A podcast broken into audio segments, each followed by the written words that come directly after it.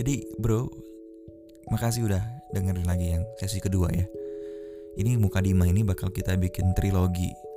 Kemarin satu, sekarang dua. Kemarin summer up-nya kita ngebahas overview sinopsis tentang kerangka dari kira-kira di musim ini kita mau ngomongin apa di season ini kita mau ngomongin apa kita mau ngomongin tentang bagaimana kita sebagai manusia ini bertingkah laku di atas muka bumi di bawah langit dan pada akhirnya akan kembali ke dalam tanah dan naik ke atas langit. Oke. Itu multidimensi sehingga diperlukan ketenangan dalam memahaminya. Jadi buat kamu yang ateis atau nggak punya agama atau nggak punya Tuhan atau nggak percaya hal-hal metafisika, tentu agak sedikit berat menelan nutrisi-nutrisi yang mudah-mudahan bisa saya racik, ramu, dan sajikan di dalam suplemen-suplemen podcast ini. Tapi kalau kamu punya open minded dan kamu selalu berusaha menjadi gelas kosong, saya yakin pelan-pelan nanti gelas itu akan terpenuh dan dapat diminum diaplikasikan dengan sangat nikmat. Jadi soal mukadimah pertama adalah soal kerangka berpikir kita menjadi manusia yang baik. Baik buat diri kita sendiri maupun untuk ya minimal 5 meter di depan kita. Berbuat baik untuk minimal 5 meter di samping kanan kiri kita, minimal 5 meter di belakang kita. Itu sudah cukup sekali. Selanjutnya di mukadimah sesi kedua ini yang ingin saya coba ceritakan adalah tentang masih soal basic humanisme kita. Siapa yang di muka bumi ini manusia mana sih yang gak suka ngelihat pantai? Siapa yang gak suka melihat pegunungan?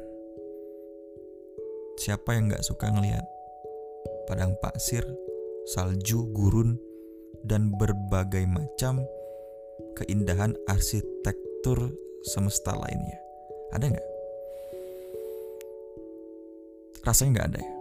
Semua pasti mencintai keindahan, mengagumi keindahan.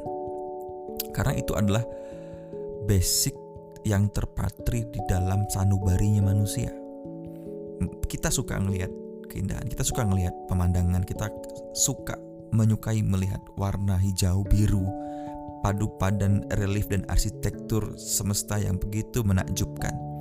Karena saya percaya paradigm itu terpatri karena kita itu pernah sudah pernah merasakan atmosfer seperti itu. Bingung kan? Tapi saya yakin pendengar cangkir irama paham betul ini arahnya ke mana aja. Jadi basic humanisme yang akan saya bangun di sini adalah tentang perpaduan dua unsur makhluk hidup antara ruh dan jasad. Itu adalah jogres ya. Perpaduan yang tercampur menjadi makhluk hidup.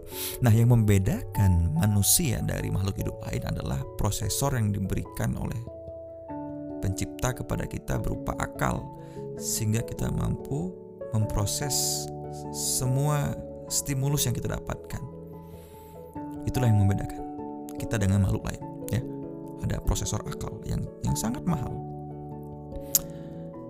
Jadi dalam proses pencampuran antara ruh dan jasad, nah ini yang perlu kita coba elaborasi, kita dalami sedikit ya. Oke. Kita coba uh, menundukkan kepala, mengangkat kaki dan maksudnya yuk coba kita renungkan sejenak. Kita ini sebetulnya sudah pernah ada belum? Kita ini sebetulnya apa ya? eksistensi kita ini sebetulnya apakah saat kita lahir atau sudah ada sebelum kita lahir? Menarik.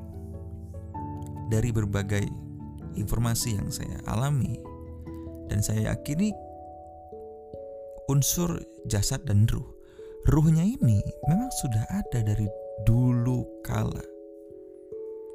Ruh kita ini masing-masing sudah pernah dan sudah dan akan selalu hidup. Ya. Jadi kalau pendengar percaya meyakini yang hal yang sama bahwa kita sudah pernah ada di suatu tempat kemudian pada waktunya tiba kita diberikan misi oleh sang pencipta untuk masuk ke dalam tanah di waktu 40 hari ditiupkanlah ruh ke dalam jasa tadi dan tumbuhlah di situ seorang manusia dan itu adalah kita dari masing-masing kita. Bahwa ruh kita sendiri sudah pernah ada dan sudah eksis.